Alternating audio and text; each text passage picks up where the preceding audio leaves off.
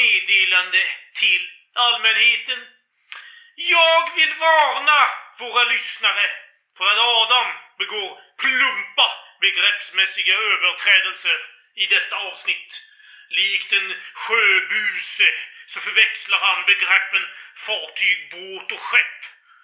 Senast jag bläddrade i sjölagen, lätt berusad av en Martell Extra Old, så kunde jag konstatera att nomenklaturen har förändrats genom historien. Får se nu, i, i Aderton 91 års sjölag så omnämns endast fartyg. Men så, runt omkring 1973 vill jag minnas, så inkom en proposition till Kungligt Majestät rörande kapitel 1, paragraf 2. Att fartyg med en största längd av minst 12 meter och största bredd av minst 4 meter betecknas skepp. Övriga fartyg kallas för båt. Hepp hepp, hajar vän av ordning till. Går inte gränsen vid 24 meter? Jo visst är det så. För numera, i gällande sjölag, så går gränsen att få kallas skepp vid 24 meter.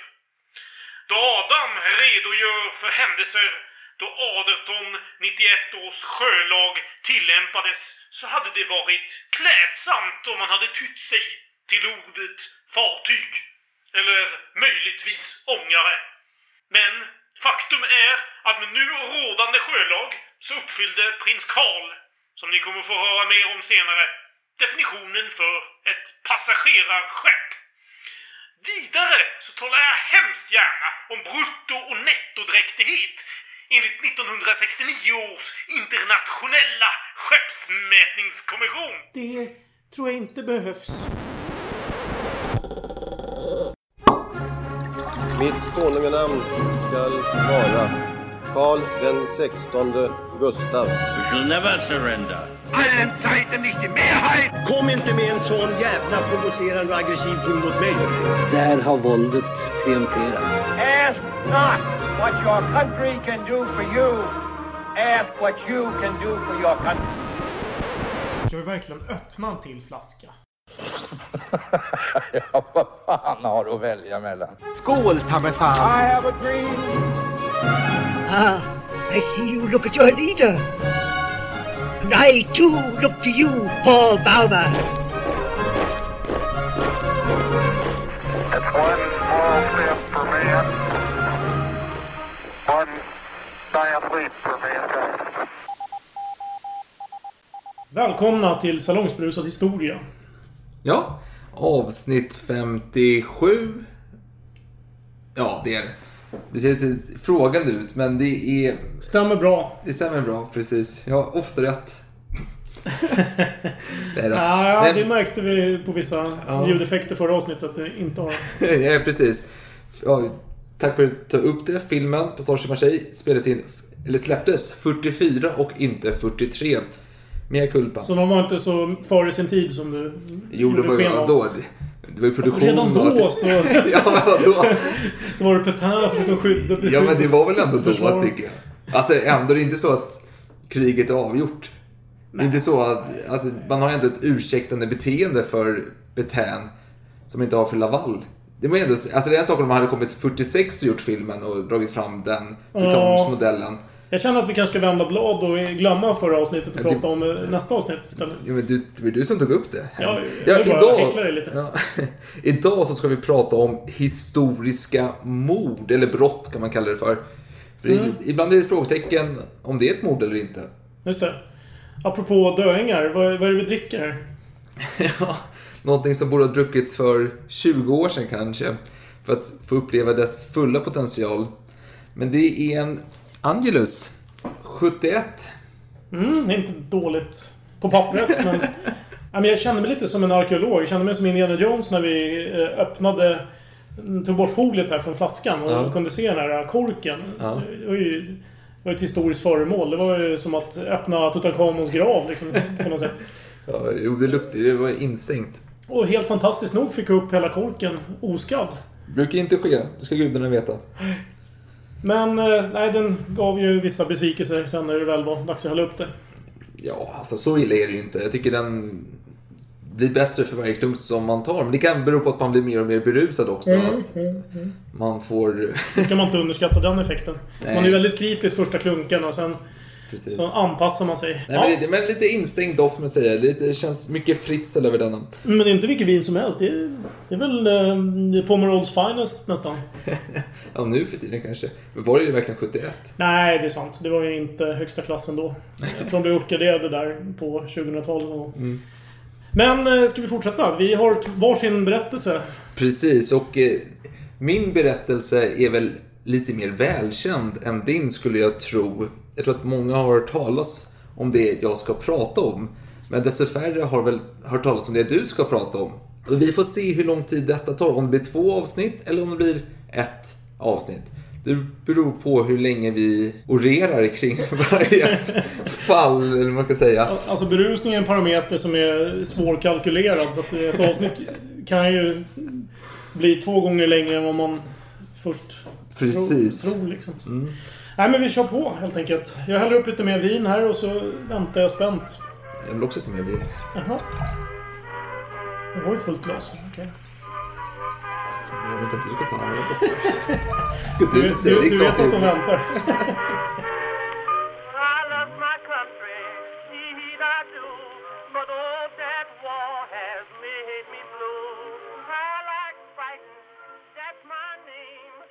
Ja men nu lyssna. Nu vet jag faktiskt inte vad du ska prata om. Så det här är ju jättespännande för mig. Nej. Du vet ju dessvärre vad jag ska prata om. Ja, precis. Så du, du sitter på någon slags hög häst här och kan styra och ställa. Nej då. Nej då. Så illa är det icke. Nej men min historia, den utspelar sig år 1900. Det är torsdag morgon den 17 maj. Då ångbåtarna Prins Karl och Köping driver in mot Riddarholmskajen, plats 19 i Stockholm. Och eh, runt om kajen då så har det börjat samlas mer och mer människor. För ryktet går att någonting hemskt har skett på ångbåten Prins Karl. Då. Är det sant? Kan detta verkligen stämma? Ja, jag hörde det av herr Andersson på rederikontoret i morse. Eh, när ångaren kommer tillräckligt nära då kan ju åskådarna se att det som eh, det hade viskats om, det var sanning här. Och folket hade då packats på ångaren Sirius som låg på kajplatsen bredvid. Ja, känd från Tintin. Men där fick man i alla fall en bra överblick över det som skvallrade om vad som egentligen hade skett på båten under eh, den gångna natten. Då. Gör plats. Gör plats. Ja, vad gör du? Knuffas inte. Flytta på er. Jag måste se. Vi kunde se hur glasrutorna var krossade, blodet rann längs promenaddäcket. Titta, titta, det är blod överallt. Åh, min skapare! Så det är alltså sant? Gud bevare oss alla. Men vad var det egentligen som hade hänt natten mellan den 16 och 17 maj år 1900?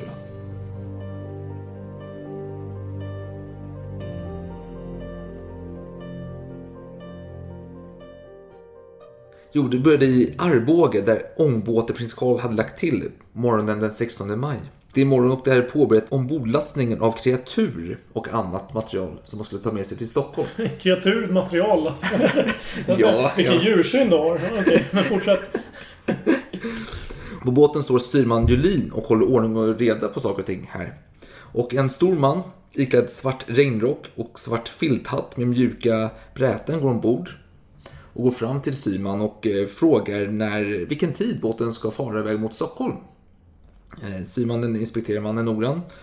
Det är en lång man, runt 1,90 lång, har blåa ögon och brunt skägg. Han har ett par vårtor i ansiktet, vid näsan och vänster sida på ansiktet. Då. Styrmannen tittar lite noggrant på honom. Och sen säger han, ja, jo, den kommer eh, avgå klockan åtta på kvällen. Ja, mannen tittar lite runt omkring sig på eh, skeppet eller båten, kalla vad du vill. Och gick sen ibland land vid kajen. Och vid kajen stod kreaturshandlaren Lars-Erik Falk och inspekterade när man lastade på kossorna på båten. Fram till honom kommer då en man med svart regnrock och börjar fråga, är det dina kreaturer som lastas ombord här? Kreaturhandlaren Falk svarar då, ja, jo, en kossa är min. Och sen så de pratar lite om vädret, kallpratar sig. Och så försvinner den här mannen. Och eh, han har några timmar att slå ihjäl. Men han är otålig.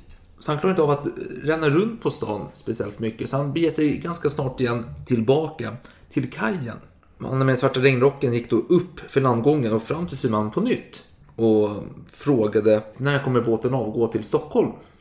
Och det är inte så att han inte visste när den skulle avgå. För det visste han redan innan han ställde frågan första gången. Utan han hade ett annat syfte. Han ville bekanta sig med skeppet. Se hur eller besättningen såg ut. Hur många de var till antalet. Var, hur man lokaliserade sig där. Var låg hyttarna? Var låg styrhytten och så vidare. Styrmannen tyckte det var lite konstigt men han verkar vara väldigt angelägen om att eh, inte missa den här avgången. Så jag informerade klockan åtta går den iväg. Menar du att han närmar sig båten för att kunna liksom spana? Eller vad? Precis. Det är det han ute Det är hans... Eh, Så det är inte svar på frågan som är så intressant? Utan Nej, nej, nej. han går bara fram och glor lite? Precis. 30 minuter då innan avfärd så steg mannen ombord och satte sig på ett undanskymt ställe på mellandäcket. Jag tänker så här att vi kommer lägga upp lite bilder på hur det här skeppet ser ut och bilder från den här tiden på prins Carl på Instagram. Så in där och följ så kan ni få lite material där att titta på medan ni lyssnar på avsnittet. Men han satte sig där i sin regnrock. Eh, väntade lite. Tio över åtta ungefär drog man in landgången och eh, skeppet lämnade Arboga. Då eh, stod äldren Otto Grönberg på däck och såg tillbaka hur Arboga blev mindre och mindre i horisonten. Då kom en man upp i svart rock fram till honom och frågade Den här kaptenen, är han religiös och trevlig? Ja, lite konstig fråga tyckte Otto Grönberg. då. Ledande fråga också. Ja, jo, jo, man kunde ändå intyga det för han var, kaptenen var väldigt omtyckt utav eh, besättningen. Sen var han med i missionsförsamlingen så ja, han var väldigt religiös och han var en trevlig prick. Ja, eh, mannen med svarta rocken tackade för uppgifterna och försvann. På övre däck då fanns en röksalong och där satte sig fyra herrar. Det bad städerskan om lite punch. Hon försvann. Städerskan. ja, Ska hon hämta punsch? alltså? Precis. Ja. Eh, Tufft jobb av städerskan. Ja. Hon får göra andras jobb också. Precis. Hon försvann och de påbörjade sitt parti kort. Jag vet inte vad de spelar för eh, kortlek. De, eller vet det, kort. Säger man kortlek? Kortspel. Kortspel, tack. Kortspel. Och sen kom hon tillbaka med några flaskor punch och då sa de att de hade avsikt att vara ostörda hela kvällen här. Så de bad henne om lite, kan du se till att vi inte blir störda? Hon sa absolut och lämnade rummet. Nere vid hytterna så hade ju kreaturshandlaren Falk då, han hade fått dela hytt med en utav maskinisterna. Eftersom att maskinistens hytt låg närmare kreaturen än vad passagerarhytterna låg. Så denna Falk då, han ville ju ha nära till hands för att kunna höra om någonting hände hans kära ko då. Så han öppnade fönstret lite och tog på sig nattskjortan och la sig ner väldigt tidigt för att få några timmar sömn då. Och i mellandäck då hade mannen med den svarta regnrocken återsatt sig. Han hade räknat och kommit fram till att det fanns runt cirka 25 passagerare ombord på ångaren denna kväll. Efter att de hade passerat Kungsör så gick mannen med den svarta rocken fram till styrman Julin och löste en enkelbiljett till Stockholm. Eh, efter att ha lämnat Kvicksund, eh, när klockan närmade sig midnatt, tog mannen en promenad uppe på däck. Och när, samtidigt som detta skedde, en trappa ner i salongen, hade styrman Julin precis gått ner för att ta sig en kopp kaffe. Han hade avslutat, han hade varit uppe med eh, kaptenen, har hängt ett tag, men nu känner han sig klar med det. Han behövde, han behövde lite kaffe och behövde prata lite skit med tanterna på, på skeppet. Han ville skvallra lite, var en social man, lite samkväm.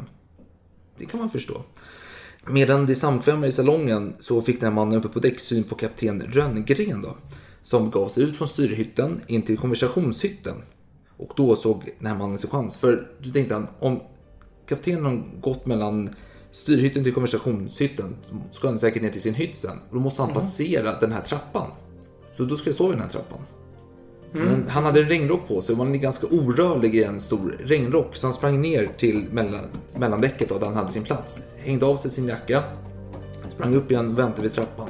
Då hade han med sig en stor kniv som han höll bakom ryggen. Han väntade och väntade och tiden gick. Men till slut kom kaptenen ut där och gick mot honom. Precis när han hade passerat, gick ner mot trappan, så tog han fram kniven och högg kaptenen hårt i ryggen.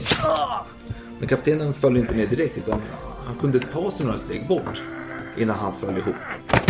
Och nu fanns inget återvändo för den här mannen. Nu var han en mördare helt enkelt.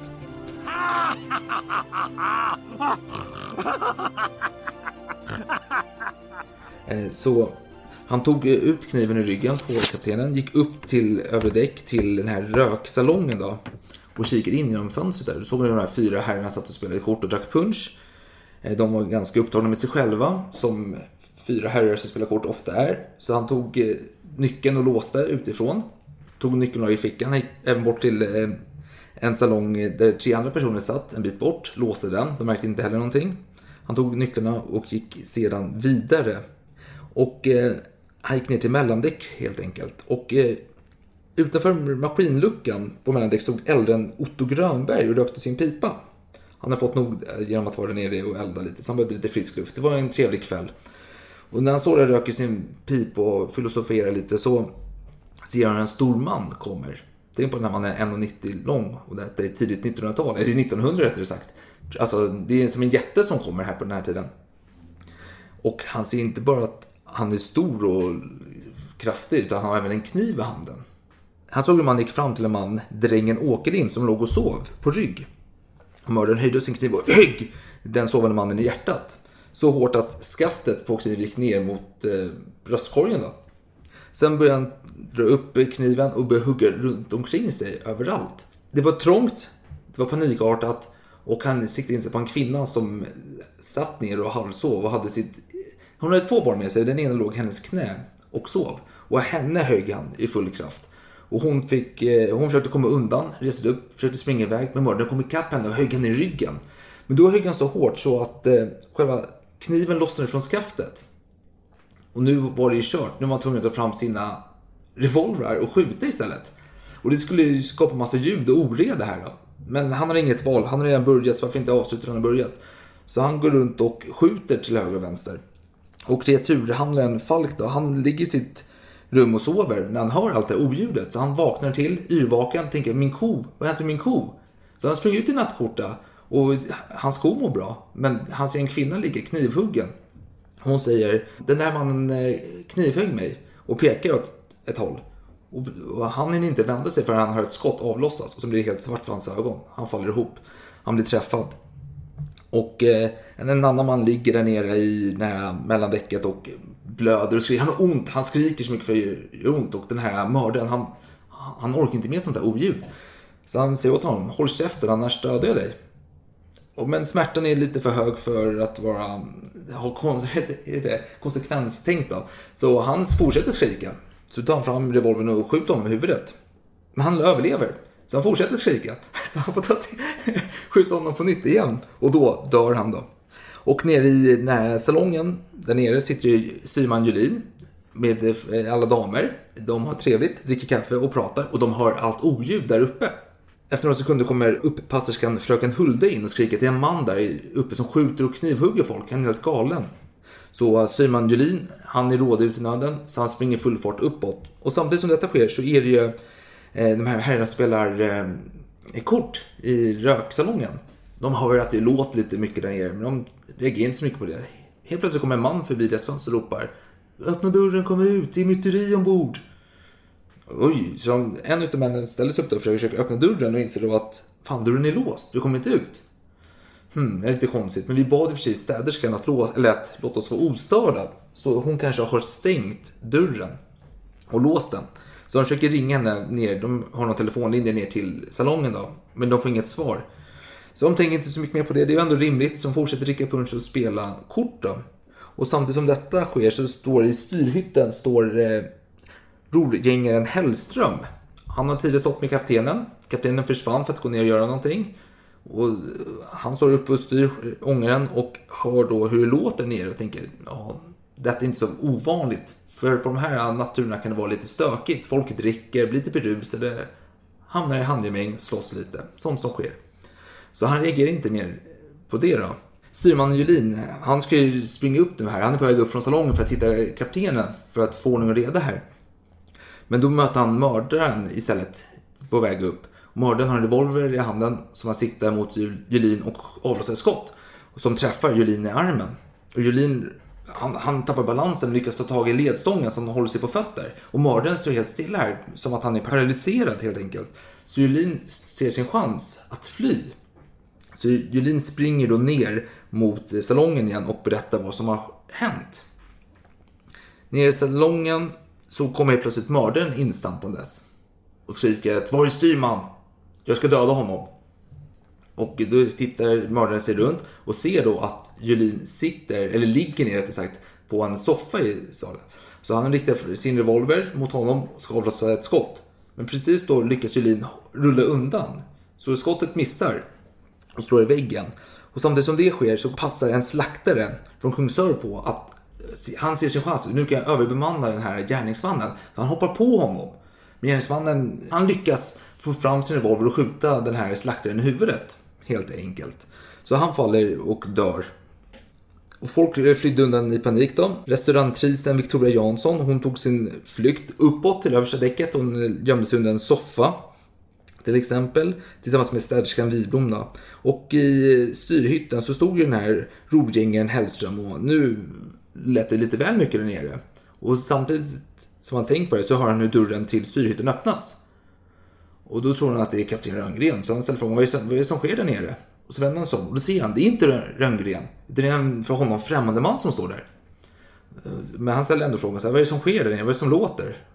Och den här mannen svarar inte. Han står bara stilla och stirrar på honom några sekunder. Till slut så tar han fram sin revolver och skjuter mot, eh, den här, mot Hellström.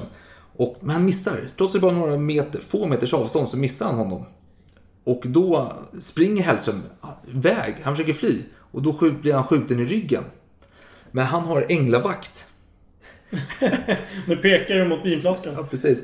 För han har en tjock va- vadderad eh, rock på sig. Som dämpar skottet. Samt att skottet, kulan träffar västspännet. Vilket gör att han blir inte skadad ens. Han får en liten eh, rispa på ryggen med allt som sker. Och de springer och jag, eller mördaren jagar honom runt styrhytten utanför två, tre varv. Till slut, Lisbeth Palme-skadan alltså. precis. Det lyckas alltid finna en spaning till Palmemordet. Imponerande. Jag försöker. Ja. Men till slut så, Hellström då, han hoppar ner eh, från det här däcket ner till nedre däcket. Och eh, hoppar snabbt in i maskinutrymmet. Eh, nere i maskinrummet ger han Hellström order till maskinisten att stanna båten. Det är någon galning där uppe. Så de stannar båten. Och de kan inte låsa maskinutrymmet. För man kan inte låsa inifrån. Nere i maskinrummet då så har de helt plötsligt en, i talröret. här, Full fart framåt! Så frågar de sig, eh, är det kapten?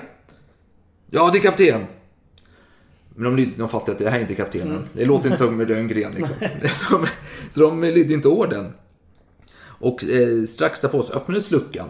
Och då kommer den här mördaren ner med revolvern högst upp och säger Sätt igång skeppet annars skjuter jag er. Ja, och så de gav full fart. Men de tänkte att det är ingen som styr den här ångaren. För att vi inte ska åka på grund så gav Hellström order om att slå omväxeln fram och bakåt hela tiden. Så att vi saktar ner farten. Så att vi inte åker framåt hela tiden. Utan det går lite långsammare. Och efter ett tag då så fick de höra en order i talröret på nytt då. Stanna skeppet, här ska vi kasta ankare. Och då passade Hellström på att fly till sin hytt där han hade en revolver gömd. Och maskinisten Edlund, han flydde också till mellandäcket. Det är en klosett där han gömde sig resten av kvällen. Och eh, när Hellström väl kom fram till sin hytt då, så hade upptäckte han att hushållerskan hade gömt sig i hans hytt och låst dörren. Så han kom inte in dit. Till slut fick han övertalande berätta att det är jag, det är Hellström, det är Hellström, det är ingen fara, släpp in mig, släpp in mig. Efter ett tag så chansade hon och öppnade eh, hyttdörren och han kom in dit. Och så upptäckte han att fan, jag har inga, inga skott till revolvern. Den är inte laddad. Så, han, så de låste dörren och gömde sig inne i hytten då tills vidare. Eh, efteråt så fick eh, han frågan varför han inte gick ut igen. Och då sa han så här, nej han försökte men eh, hushållerskan tvingade honom att stanna där. Ja. Så det, Ja, det ser man. Ja, och styr, styrman Julin då, som eh, några minuter eh, tidigare hade flytt då Han från... blir eh, skjuten i axeln. Ja, precis. Så när han legat i soffan och den här mördaren gått in och försökt skjuta honom på nytt då. Han hade ju sprungit upp och letat efter Rönngren vidare. Och han sprang upp nu till styrhytten. Ingen där. Navigationshytten, ingen där. Rodret, ingen som var där. Ingen var någonstans. Så han, vad fan händer? Vad händer? Och helt plötsligt hör han mördaren trampa upp här mot hytten. Så han springer och låser dörren. Eh, dit. Och mördaren rycker, rycker och rycker i dörren. Men ingenting sker. Eller han kommer inte in då för den är låst. Till slut så slår han sönder rutan och stoppar in handen för att öppna mm. om låset. Då. Och då får ju Jelin frågan efteråt att varför stoppar du inte honom där? Varför attackerar du inte honom när han slog in handen? Och, och då sa Gina, jo det är lätt att, jag, man, man blir lätt feg i sådana situationer så jag drog på flykt istället. Så han sprang ut. Eh, eh, mördaren kom in och efter honom. De jagade varandra lite. Och även Julin hoppade ju ner till eh, nedre däcket framför namnskylten där det står prins Karl på skeppet. Där ner hoppade han över. Ner på däcket till kreaturen. Och sen rullade han. Han trodde först att han hade brutit benet men när han kände lite på det så var det oskatt. Så han kunde rulla under kommandobryggan fast på däcket nedanför då. Men mördaren han eh, lutade sig över relingen och sköt vilt neråt i mörkt då, men han träffade inte. Så styrman Julin då, han kunde springa ner mot salongen och när han sprang ner mot salongen på nytt så hörde han hur den här mördaren skrek då att han skulle kasta ankare, alltså Julin skulle kasta ankare, annars är du dödens lammunge.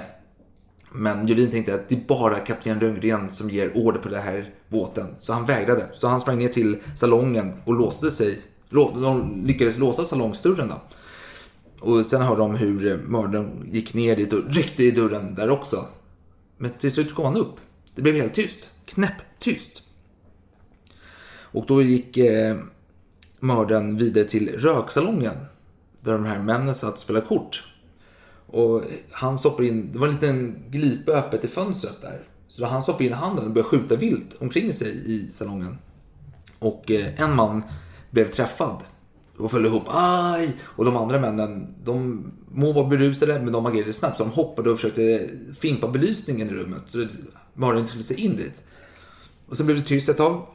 Men mannen fick lite panik då så han tog en punschflaska och slog sönder fönsterrutan ut. Och så tittar han ut med huvudet och säger, är mördaren här? Nej, mördaren är inte här. Bra, jag klättrar ut. Och när han klättrar ut då, så råkar han skära sig så mycket så att när han kom ut, han tänkte inte på när han klättrade ut för då var det så mycket adrenalin. Men när han kom ut då, så var han jävligt svag i benen och så såg han hur han blödde överallt. Så han, han, kunde, ju- han höll på att svimma. Och då såg han där borta, lite dimmigt, hur mördaren kom närmare honom. Med pistolen i högsta hugg. Och sa så här, du, gå, gå ner till maskinrummet och se till att de följer order. Och han sa, men jag är ju en konditor. Jag tror inte att besättningen tar order från, en, från, från mig liksom. Det går inte. Och den här mannen, bara, har du några pengar på dig? Han bara, nej jag har inga pengar. Och då mördaren blev lite frustrerad här. Så han så viftar med pistolen i ansiktet. Gör som jag säger nu. Men nu har, kanske i blodförlusten, vad vet jag. Men den här mannen som har spelat kort hela kvällen och eh, druckit punch. Han är orädd nu. Han skiter i det. Han bara, nej jag kommer inte göra det. Men kan du, har du någonting du kan ge mig för att jag kan stoppa blödningen? Och då tittar mördaren på honom och eh, säger Jag är en mördare så er skiter jag i.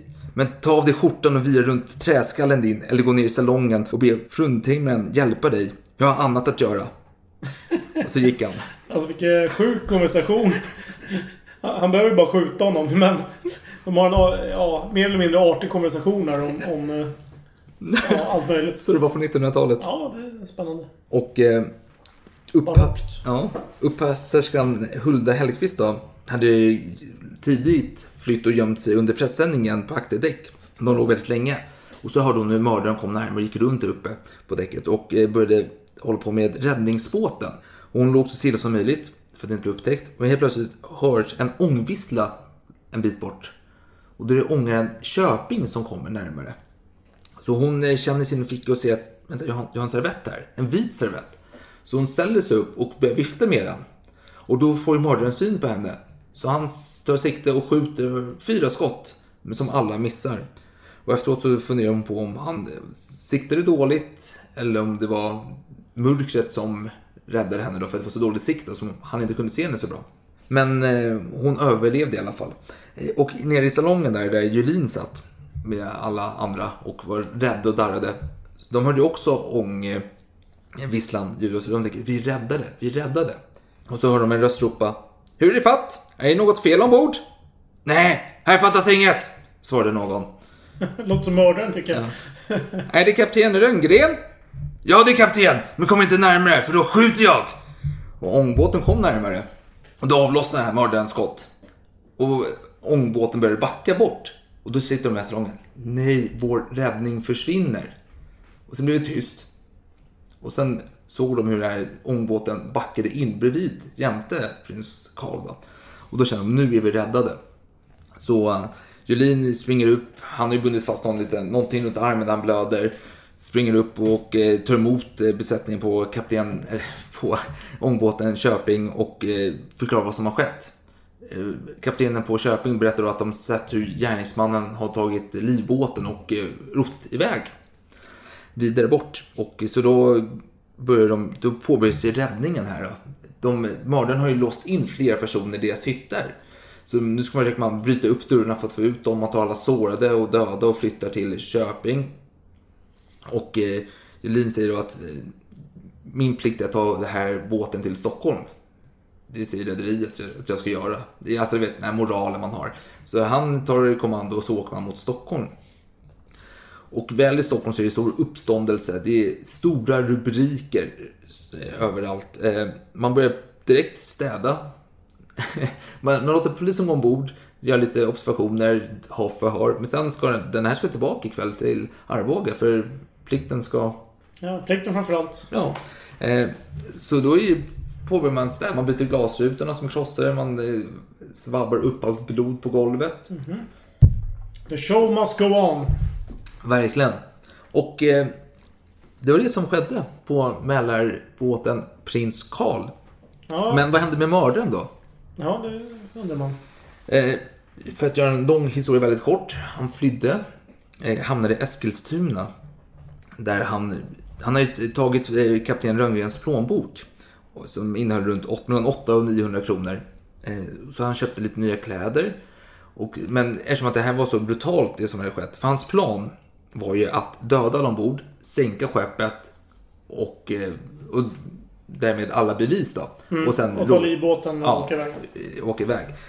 Men nu blev det inte så, så att nu eftersom det här, tidningen var extra snabba och det blev en löpeld kring detta. Det spred sig som löpeld rättare sagt. Så när han köpte kläder så kom det in tidnings, eh, vad säger man, löpsedlar eller blad. Där det stod om att en mördare med amerikanskt utseende. Lite, och lite andra beskrivningar på honom. Och en av de här som har sålt kläder till honom blev lite så här. Kan det verkligen vara den här, han som är inne i min butik nu? Kan det verkligen vara hon, han som gjorde detta? Han, han såg ju inte så rik ut, men han hade otroligt mycket pengar. Så, så amerikanskt utseende, du har vårtor i ansiktet alltså? Eller Ja. hur ska jag uppfatta detta? Det förtäljer inte historien. Det, okej. Dina egna fördomar får avgöra det, men eh, absolut, det är en poäng. Och eh, han går då till eh, kuskarna som står vid Eskilstuna, den här mannen, mördaren då, och frågar om han han behöver åka någonstans, bort härifrån. För han märker att nu börjar tidningsrubrikerna komma, så jag måste skynda mig härifrån. Och så eh, säger han till kusken att prata inte med mig för jag är lite förkyld. Och så hostar han lite så här, ja vad kan man säga, teatraliskt. Eh, och eh, så åker de iväg en bit. Det här blir ett fall för polisen och de börjar utreda. Man hittar den här livbåten, den roddbåten han har tagit i Oxelösund. Och lyckas eh, kartlägga hans plan och fatta att han har varit i Eskilstuna. Och eh, kusken är borta när de kommer till alla de här. Tänk dig idag när du tar en taxi från T-centralen så är det 20 taxibilar på rad. Det här är 20 kuskar stod på rad. Och så man bara, oj, nej men han åkte med honom med Eklund eller vad han hette. Oj, oj, han kanske har dödat Eklund. Det, det kan hända, det kan ha skett. Oj, stackars Eklund, nu är han dödens. Och sen några timmar senare kom Eklund tillbaka. Och då jublade ju alla kuskar, stod och så här, applåderade honom. Han fattade inte vad som hade skett. De bara, du, du har precis transporterat en mördare. Och du, och du, du har överlevt, grattis. Och så här, oh, oh, vad lite roligt. Och polisen får ju då spån på att eh, den här mördaren har eh, tagit sig till Skogstorp där han ska ta eh, tåget vidare. Så man skickar tre poliskonstaplar, Fröst, Övling och Brolin dit. Men det här är inte taxibilar man åker eller snabba bilar utan det här är kusk och vagn och det går långsamt. Framförallt när det är tre korpulenta här som sitter där och ska... Mm, ja, och framförallt Brolin. Ja, jo. Till slut kommer man fram till tågstationen. Eller man har ringt till tågstationen och sagt åt personen där att håll koll på den här mannen. Håll koll på honom. låt han inte försvinna.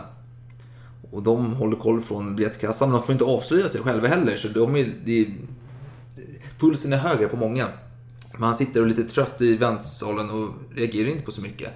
Så poliserna går in. Eh, de tar bort sina polis, alltså det som kan avslöja att de är poliser, så de ser ut som lite vägarbetare. Öfling går in först, eh, ställer sig bakom mördaren, tittar på honom. Han har inte reagerat på honom, så han går till en bord där de har en vattenkaraff och dricker lite vatten.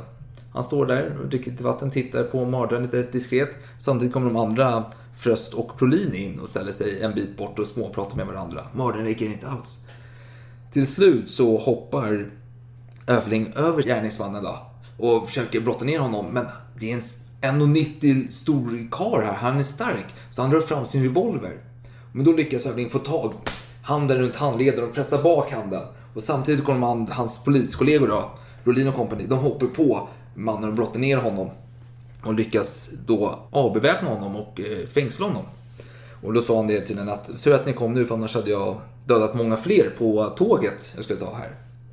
Och eh, han hamnade i Eskilstuna i fängelset där. Ett tag satt han där. sen så blev han flyttad till Västerås. Och där försökte han fly. Han hade tagit en någon sån här järnspett under sängen som han hade slipat med några stenar han hade hittat ute på gården. Så han överföll polis, eller vaktkonstaplar och försökte fly då, men de lyckades fånga honom. De sköt mot honom. Mhm. Ha- Hade det varit någon rättegång än eller? Var det i väntan på Ja, det, här var, det här var efter rättegången. Okej, Eh, vad, vad, fick vad var hans dom då? Dödsstraff såklart. Eh, Jaha. Men eh, han, hade, han, var ju en, han hade suttit länge i fängelse innan. Och hans namn då var Johan Filip Nordlund. Och han hade varit, suttit i fängelse sedan han var 16 år. Ut och in. Mhm. Eh, och han hade senast nu avtjänat ett straff på Långholmen. Och eh, Hur gammal var han nu då? 25 tror jag. Okej. Jag blir lite osäker. Den åldern alltså? Ja, nej men motivet till mordet var att han hade... Han ville gå in på en eh, god, sund bana. eh, Bli en laglydig människa och skaffa sig en båt och eh, tjäna sina egna pengar. Men han fick inte något hederligt jobb och han fick... Han, han åkte runt och tiggde lite från Eh, olika kristna församlingar. Fick en femma här, en femma där.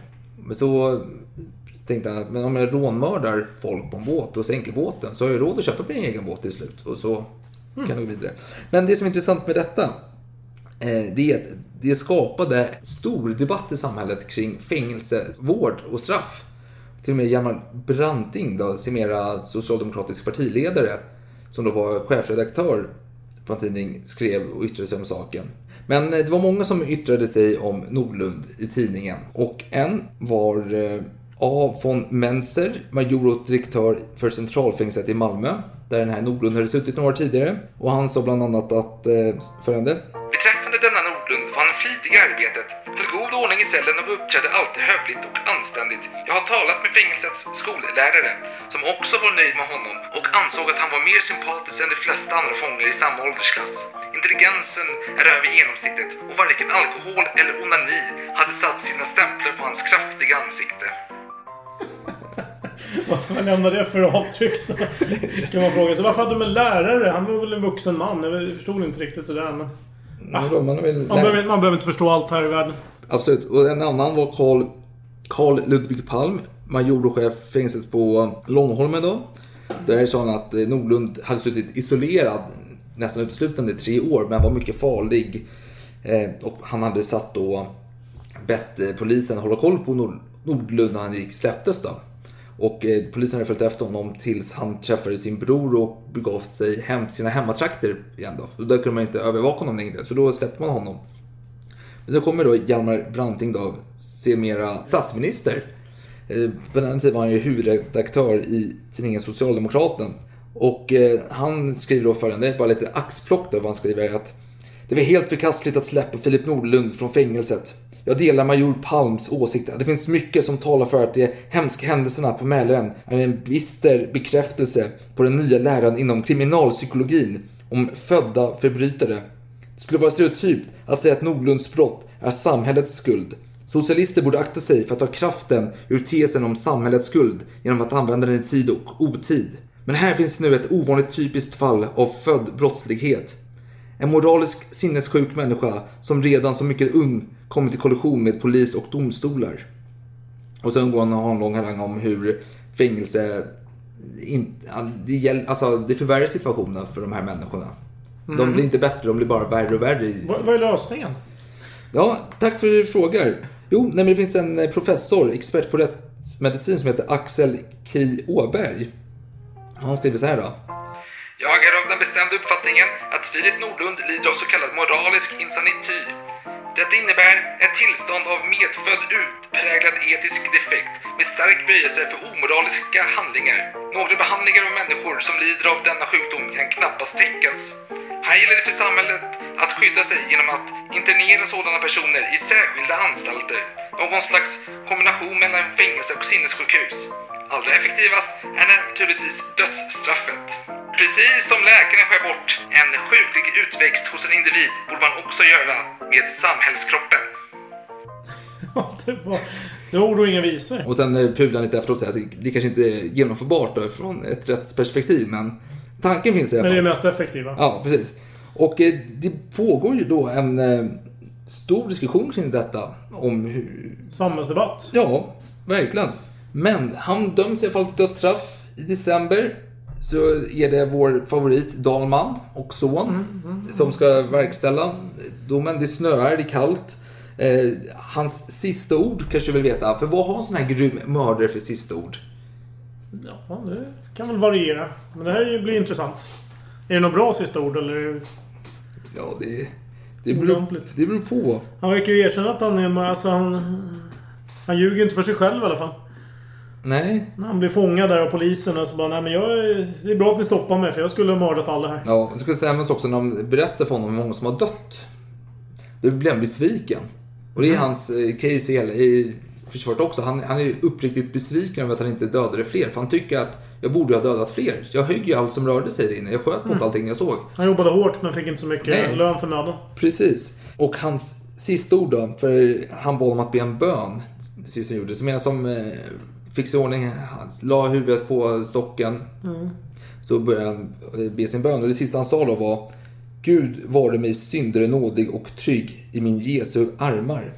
Och sen, det var ju sista avrättningen med handbilan. Mm, mm, mm. Och det kan nämnas att det blev stor uppståndelse kring fallet generellt sett. Folk engagerade sig, folk var upprörda att detta skedde. Det blev insamlingar till eh, framförallt Rönngrens eh, fru då, änkan då. Att hon skulle ha lite pengar, för han hade ingen försäkring. För han trodde på Gud. eh, Och tänkte att Ja, det. det kommer bara fixa sig. Gud kommer väl ta hand om dig. Det låter lite tillrättalagt just att mördaren ska fråga honom är han en gudfruktig man? Och så ska de ha sagt ja. Det, det, Det ska nämnas att det här... lite. Ja. Eh, det här är byggt på olika vittnesutsagor och eh, vissa saker diffar ju lite.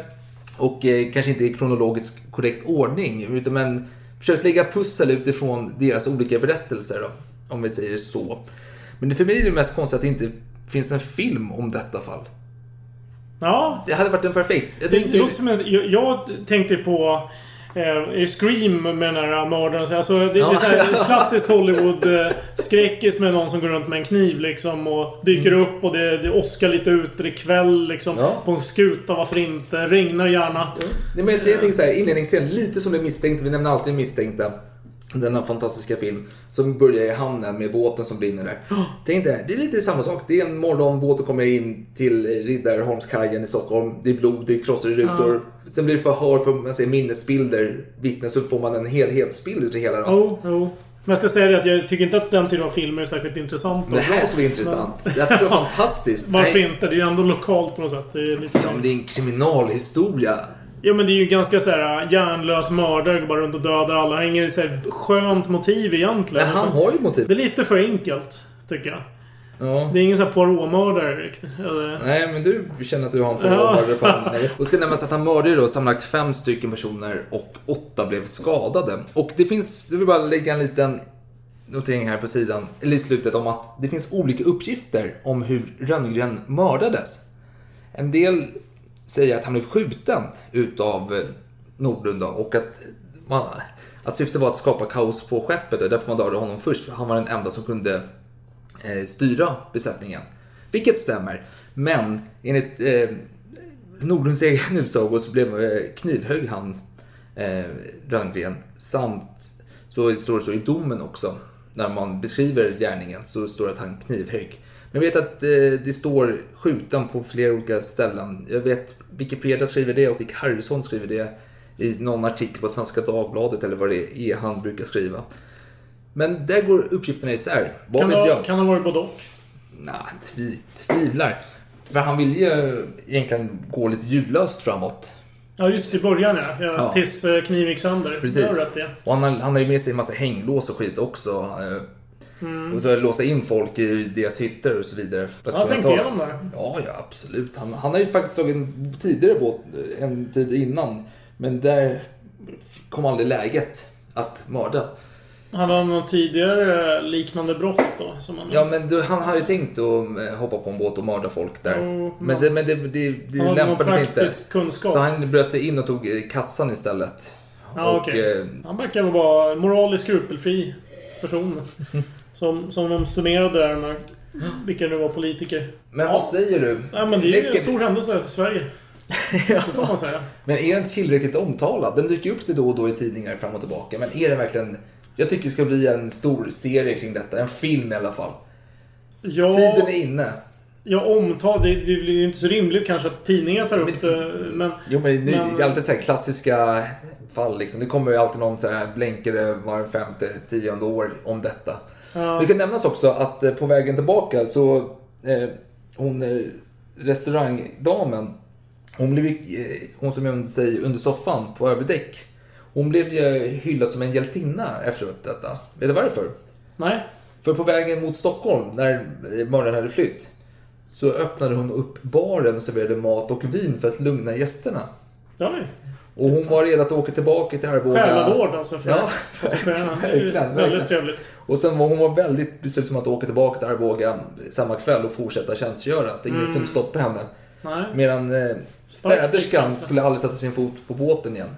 Nej, så hon, blev, hon fick skit. Ja, Hon var traumatiserad, den stackaren. Ja, nej, det är tufft. Ja, nej, men absolut. Stor händelse. eh, Ja, varför inte? Det är jättetrevligt med dramatisering. Jag tycker det är för lite historiska dramatiseringar överlag. Ja, ja. Men vet du vad? Klockan går och jag ser att vi har spelat in ett tag här så vi... Klockan både på vinflaskan... Den börjar ta slut. Dags att öppna du ser det finns en klocka på, på etiketten. Ja, ju, precis. Klockan ingen, ringer. ingen digital klocka om vi säger så. Nej, Kyrkoklocka. Ja. kyrkklockan ljuder. Mm, och så gör timmen för oss. Eh, tack för att ni har lyssnat. Vi, Tack. Det får bli näst, om två veckor kommer då din historia om historiska brott och en lite mer okänd historia. Av mer internationell karaktär. Precis. Vi hörs då. Skål! Vi. Hej!